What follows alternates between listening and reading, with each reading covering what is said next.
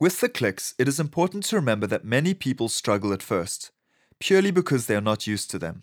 However, every human is capable of making such sounds. Many of us have made them in different contexts, and everyone I have taught has gotten the clicks after some practice, whether that be 10 minutes of practice or a couple of days. It depends on one's attitude as well as effort. Be patient with yourself. You may have to reprogram certain muscles in your mouth. For such situations, it is best to practice often, but to rest whenever one starts to feel strained by the effort. This may happen quickly in the beginning, but this will change with time.